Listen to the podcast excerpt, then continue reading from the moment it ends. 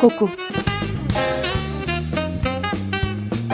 Kokudan gelen ve kokuya giden şeylerin tartışıldığı program.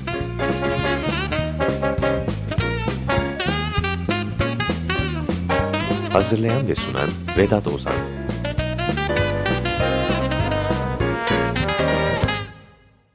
Merhaba ben Vedat Ozan bir koku programına da hoş geldiniz.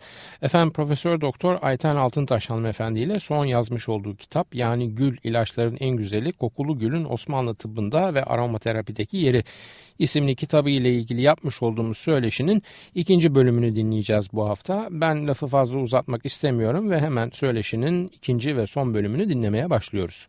İkinci hafta gene beraberiz. Evet. Profesör Doktor Ayten Altıntaş'la Gül'le başlamıştık geçen hafta Evet. sohbetimize. Bu hafta başka konularla devam Olabilir. edelim isterseniz. Olabilir. Önce ben şeyi sormak istiyorum. Birkaç hafta önceki bir yayınımda ben bergamottan bahsetmiştim. Evet. Daha doğrusu Earl Grey çayından bahsetmiştim. Oradan bergamota gelmiştik. Bergamotun isminin nereden kaynaklandığına bakarken Evet. sizin isminiz de tabii kaçınılmaz olarak karşıma çıkmıştı. Şimdi e, orada sizin söylediğiniz bergamotun Bergama'dan geldiği Evet. yolundaydı. Evet. Benim girdiğim uluslararası sitelerde daha çok bey armudu, beg armudundan geliyordu. Onu ben de gördüm. Hangisi doğrudur hocam? Evet. Nasıldır bunun Şimdi açıklaması? ben bergamotla ilgilenmeye nasıl başladım? Ağaç kavununu, çok ağaç kavunu eski Türk tıbbında da ve Osmanlı tıbbında çok önemli bir ilaç. Ağaç kavunu bizim bergamotumuzun birazcık daha farklı bir şekli. Aynı bergamot gibi kokan müthiş bir meyve, narenciye.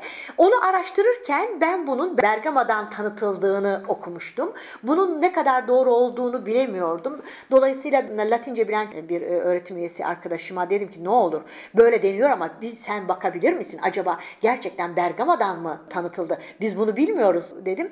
Arkadaşım bütün Latince işte en eski İtalyanca, Latince e, en eski ansiklopedilere döndü, baktı. Ben onları da yayın haline getiremedim. Onları yayın haline getirmem lazım. Ve 1550'li yıllardan itibaren e, ciddi ansiklopedilerde bergamot e, maddesine bakıldığı zaman ön Asya Bergama'dan isimlendiğini söyleyen bilgiler var. Ve şöyle bilgiler geliyor. Avrupalı tabiat alimleri biliyorsunuz 16. yüzyılda 15. yüzyılda artık Osmanlı çok büyük bir e, devlet. Çok doğu kültüründe olan bir devlet. Çok enteresan geliyor. Dolayısıyla seyahatler gidiyorlar ve botanikçiler de gidiyor. Ve orada gördükleri değişik şeyleri, bitkileri Avrupa'ya tanıtıyorlar ve hatta bu tanıttıkları kitaplar çok iyi satıyor. O yüzden de pek çok Osmanlı'yı anlatan kitapların bazıları da hiç Osmanlı'ya gitmeden de uydurup yazıp Öyle mi? evet. Evet. Ee, nasıl çok iyi para kazanıyor çünkü çok satıyormuş o zamanlar ama giden ciddi bilim adamları da Böylece var. bitkiler de yani Tanıtılıyor. teknik olarak kayda da girmiş oluyor Evet gibi. yani sistematiğe kesinlikle o bitki sistematiğine bu bitkileri koyuyorlar. Bir tane çok önemli bir örnek vardır. Manisa'dan Sipil Dağı'nda bir e, mercan köşk, bir çeşit mercan köşk ve e, Sipil Dağı'ndan tanıtılıyor ve Organum spileum diye isimlendiriyor e, Hmm. batılı alim ve dolayısıyla o da bir ilaçtır. O da ayrı bir şey. Yani Mercan köşk neye Ay, o, o çok o enteresandır. Onu ayrıca anlatmamız lazım. O müthiş bir şey. Size göstereceğim nasıl bir şey olduğunu. Mercan köşkü biliyor musunuz? O çok güzel kokulu bir e, bitkidir. Bu biraz daha farklıdır. Bir çeşit kekik türü bir şeydir. İlk defa işte endemiktir Bildağ'ında Manisa'da.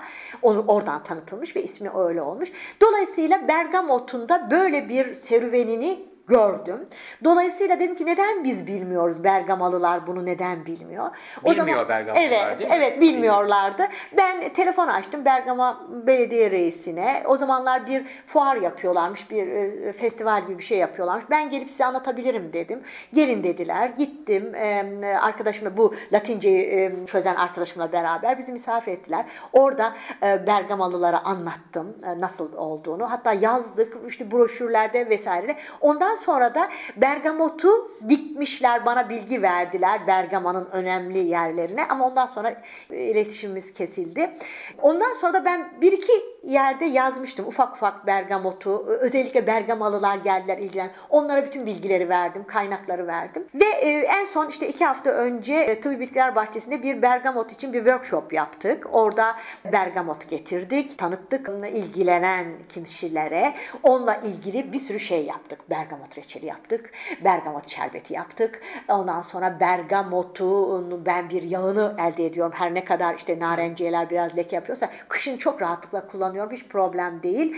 Böyle bir şeyler yaptık, tanıttık. Sanıyorum sizde o bilgiler Evet, ulaştı evet. size. Dolaylı Evet, olarak oradan evet. ulaştım ben. Çünkü bergamot e, esans yağı parfüm dünyasında çok fazla kullanılıyor. Yani Öyleymiş. parfümlerin %70'inde erkek parfümlerinin neredeyse hepsinde Müthiş kullanılan bir bir, şey. koku, Üst nota müthiş bir olarak kullanılıyor. Öyleymiş. E, reçelini de bir biz bir Yunanlılar çok fazla Doğrudur. yapıyoruz kabuğundan reçeli. Doğru. ve Herhalde bütün dünyada bizden yiyordur o reçeli diye düşünüyorum. Aslında keşke bizden yeseler. Maalesef e, şöyle bizde Antalya civarında birkaç bergamot reçeli Evet, yapan ya. Ben evet. onları hep getirtiyorum, alıyorum, kokusuna bakıyorum berbat.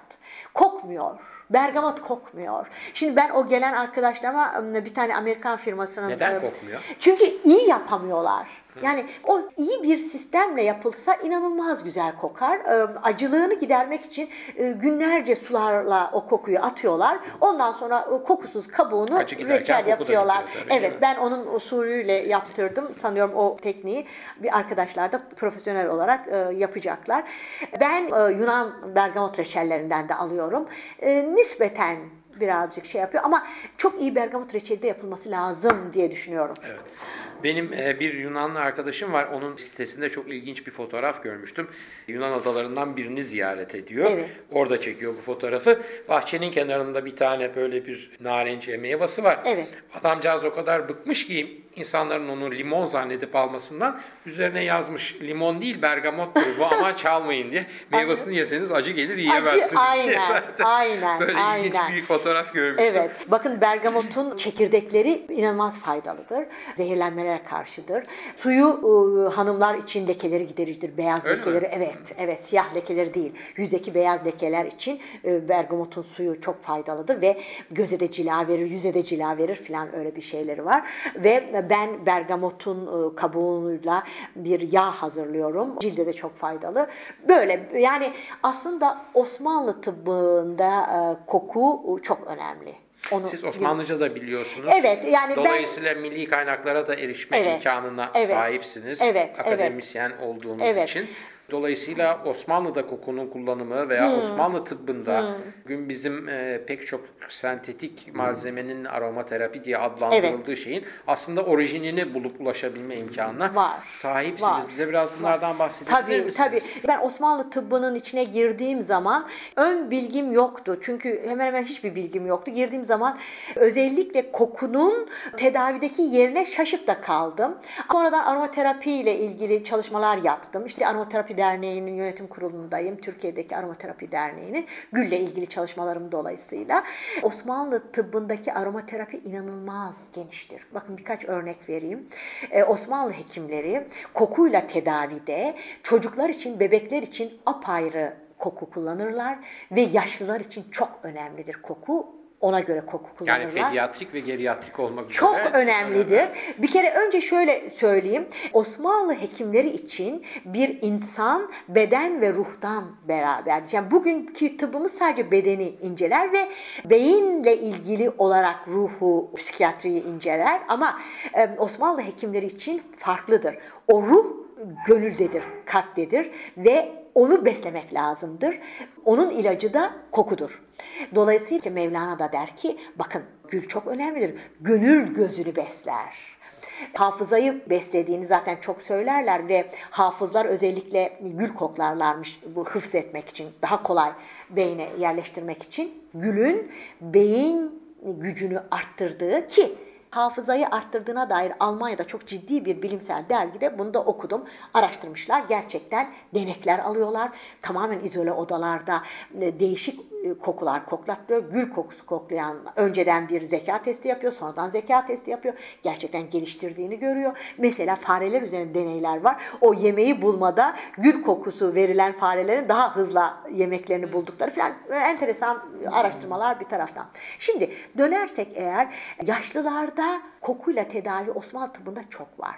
Çünkü şöyle der hekimler, yaşlılıkta beden kuruyor. Kuruduğu için onu nemlendirici şeyler vermek lazım. Tarçın gibi sıcak kokular nem verici kokulardır. Ama çocuklara özellikle gençlere kesinlikle bu kokuları vermezler. Gençlik bedende sıcak etkilidir. Artık kanı sıcaktır. Onu serinletici kokular vermek lazım. Eğer ona sıcak kokular verirseniz o bedeni onu tamamen farklı yerlere götürür. O cinsel gücü fevkalade düzeylere çıkarır. Onun için onları serinletici kokular. Gül serinletici kokulardandır. Menekşe serinletici kokulardandır. Bergamot narenciyeler serinletici kokulardandır. Çocuk da bebek de sıcak kanlıdır. Dolayısıyla bebeğe e, vereceğiniz kokular mutlaka serinletici kokular olması lazım. Sıcak verirseniz bünyesini hızlandırırsınız ki o da istenmeyen bir şeydir. Yani Osmanlı tıbbında uzun yılların verdiği tecrübelerle kokunun tıpta kullanımı var. Ve formüller var, belli kokular var, nasıl verileceği var, ne kadar verileceği var ve bunu yiyecek şekline getirmişlerdir. İşte macunları, şerbetleri vesaireyle veya kullandığı yağlarla. Mesela siz sanıyorum bir hamamdan, Romalı hamamlardan bahsetmiştiniz. Şimdi kille vesaireyle yıkanıyorlar. Hatta kil vesaireyle işte yağlıyorlar. Ondan sonra da onu kazıyorlar filan demiştiniz. Şimdi şöyle, Osmanlı tıbbında çok önemli yeri var. Hekimler mutlaka haftada en az bir gün, normalde üç gün hamama gidilmesini isterler. Neden? Çünkü nemli havada o yediğiniz gıdaların istenmeyen şeyleri e, hamamda deri, ediyor. deri Evet, vasıtasıyla gitmesi lazım vücudunun sağlıklı olması için ve ondan sonra yağlanır. Yani çünkü keselenirler, o kirler gider ve de cilt tamamen dışa karşı zayıf hale gelir. Ondan sonra yağlanırlar kokulu şeylerle. Hangi yağlar kullanacak? İşte hangi yaştaysanız ona göre yağ kullanırsınız ve bunlar tamamen o çiçeklerin susam veya zeytinyağında bekletilerek masere edilmesiyle elde edilen yağdır. Asla eterik yağ değildir. Eterik yağlar yani eterik yağ dediğimiz o distilasyon sonucu elde edilmiş yağlarda tamamen bir iki damla kulak arkasına veya vücuduna sürerler ki o kokuyla tüm günlerini geçirsinler. Dolayısıyla koku hayatlarında çok önemlidir. Bir, gönül gözünü açtığı için. İkincisi de tedavi edici etkisi olduğu için. Bir de bu buhur suyu diye bir şey var Osmanlı'da çok önemli. Evet, hani evet. belki e, tedavi edici bir özelliği yok dediğiniz gibi sadece ferahlatıcı gönül gözünü açması açısından ferahlatması gibi bir şey var. Bunun içinde misk kullanılıyor, Evet. amber kullanılıyor. Evet. Sadece keyif için e, koku kullanılmıyor.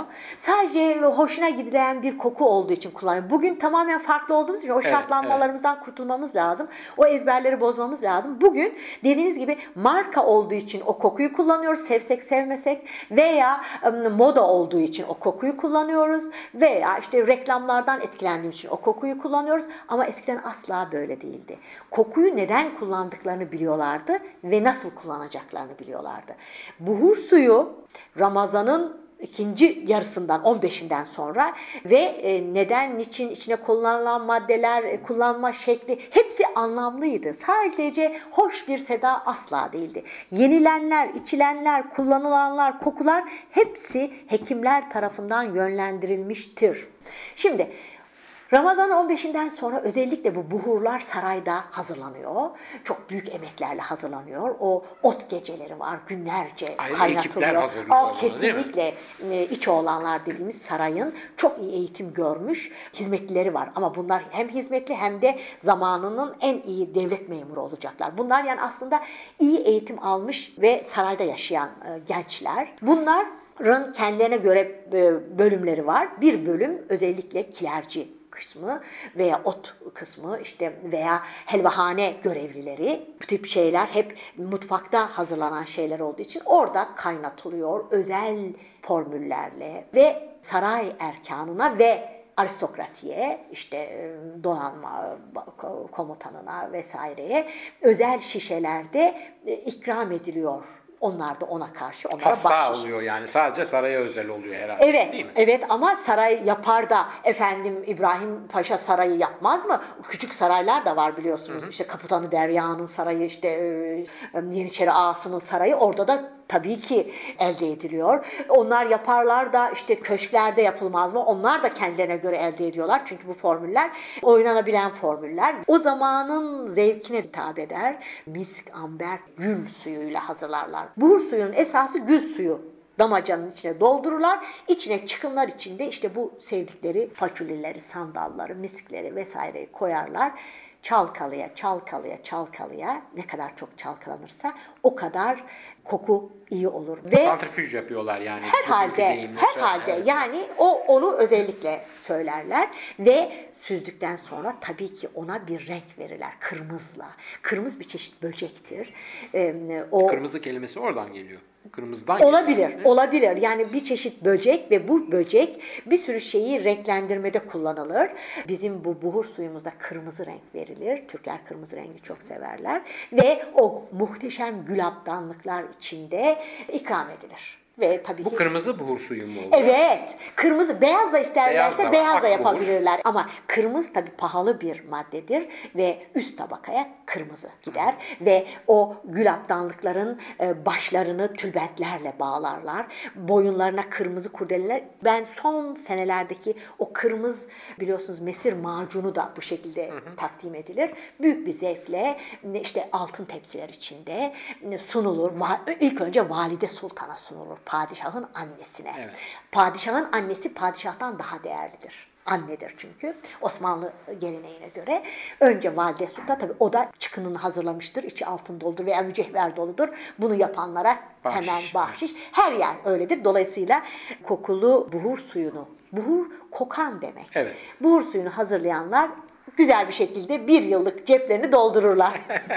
Peki buhur suyunu sarayda böyle insanlar kullanıyor. Evet. Hadi paşaların konaklarında da oluyor ama sokaktaki insan nasıl attarlardan falan Tabii, mı temin tabii, ediyor tabii, bunları? tabii. Çok Şimdi- fazla o zaman koku satan dükkan var o zaman. Kesinlikle. mi? Belki bugünün çok daha sayı olarak Çok üstünde. doğru, Çünkü çok sizin doğru. gene bir yazınızda okumuştum ben sayı olarak aşağı yukarı 3000 tane mi demiştiniz öyle bir şey. Şimdi say- gül suyu tonlarca kullanıyor onu biliyoruz. Fakat gül suyu satan mesela Evliya Çelebi söylüyor. Mısır çarşısı o civarda gül suyu satan sadece gül ap e, satan e, gül suyu satan yerler 14 tane dükkandan bahsediyor. 70 kişi çalışıyor burada. Sadece Allah, gül suyu. maşallah.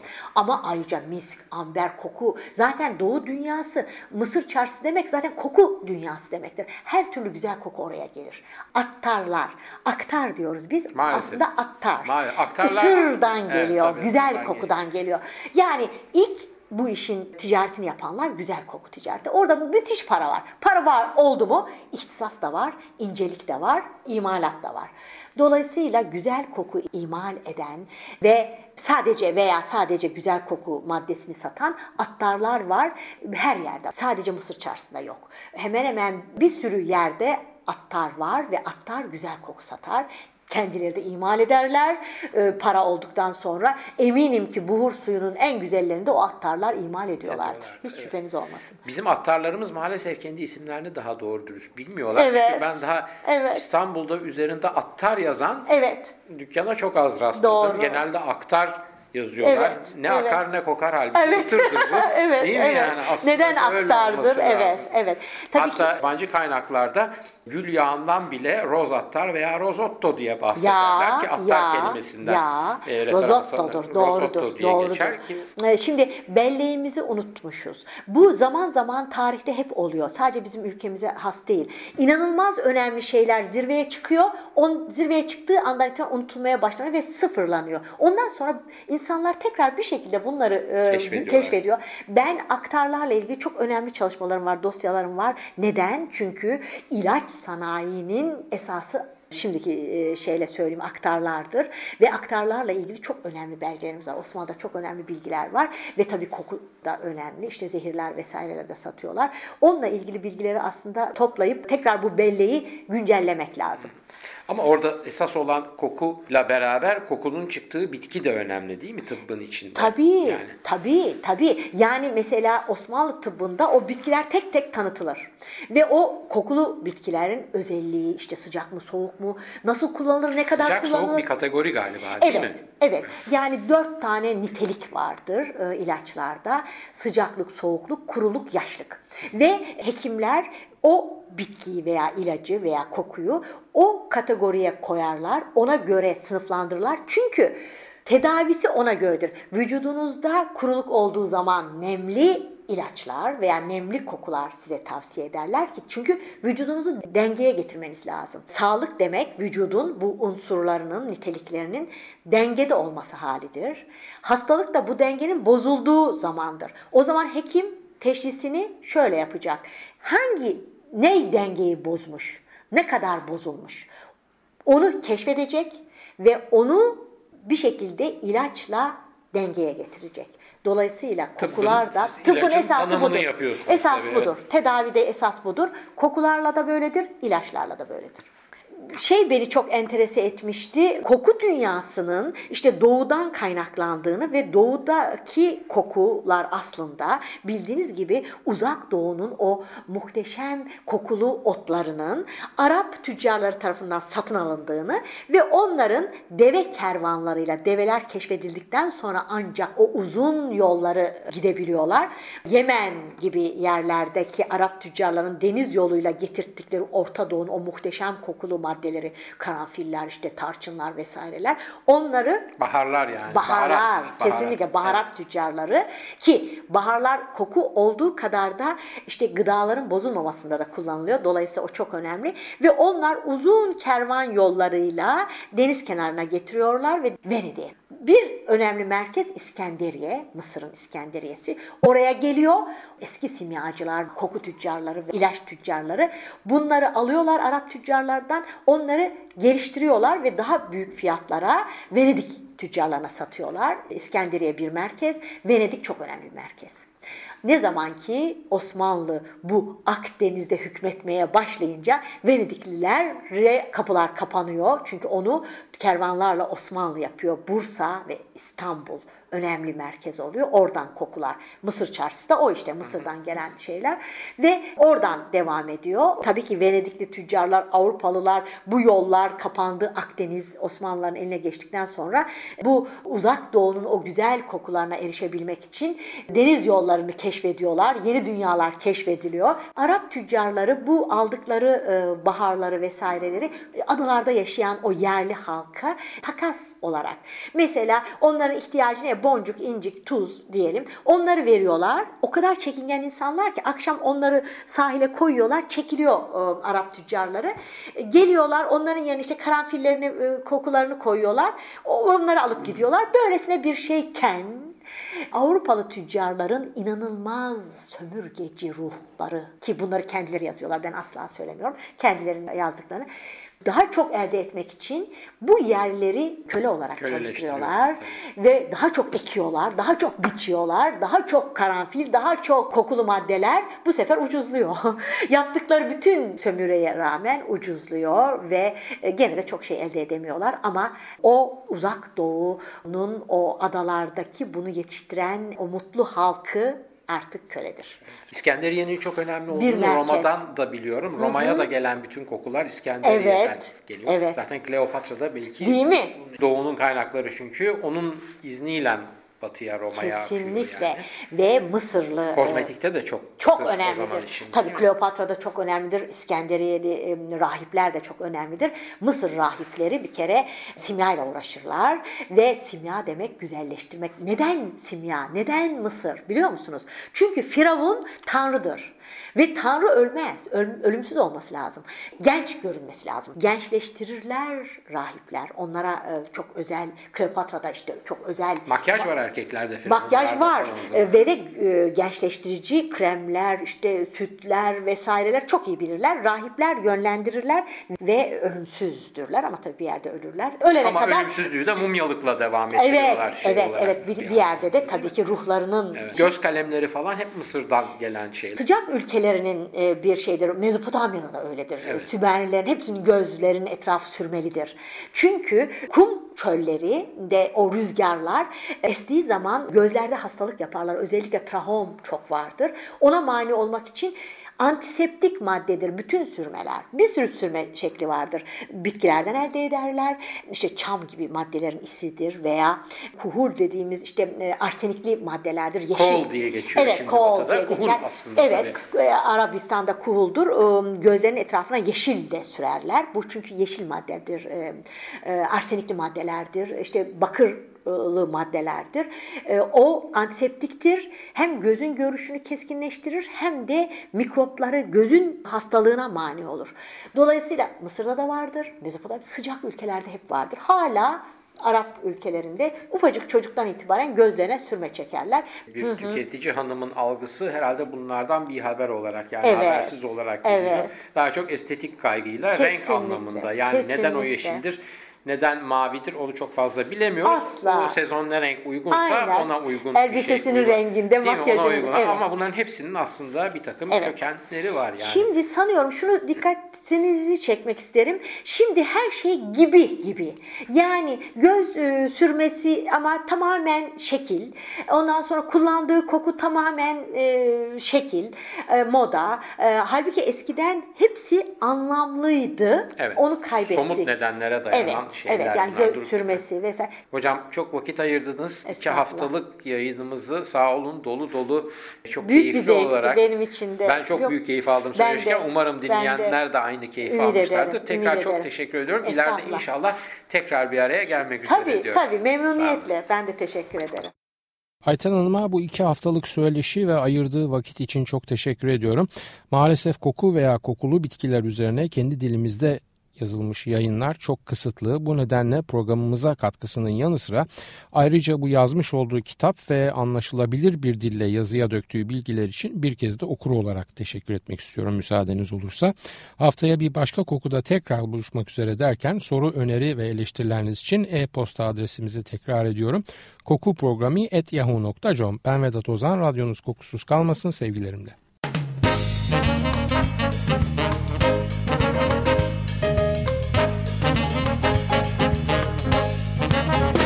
Koku Kokudan gelen ve kokuya giden şeylerin tartışıldığı program.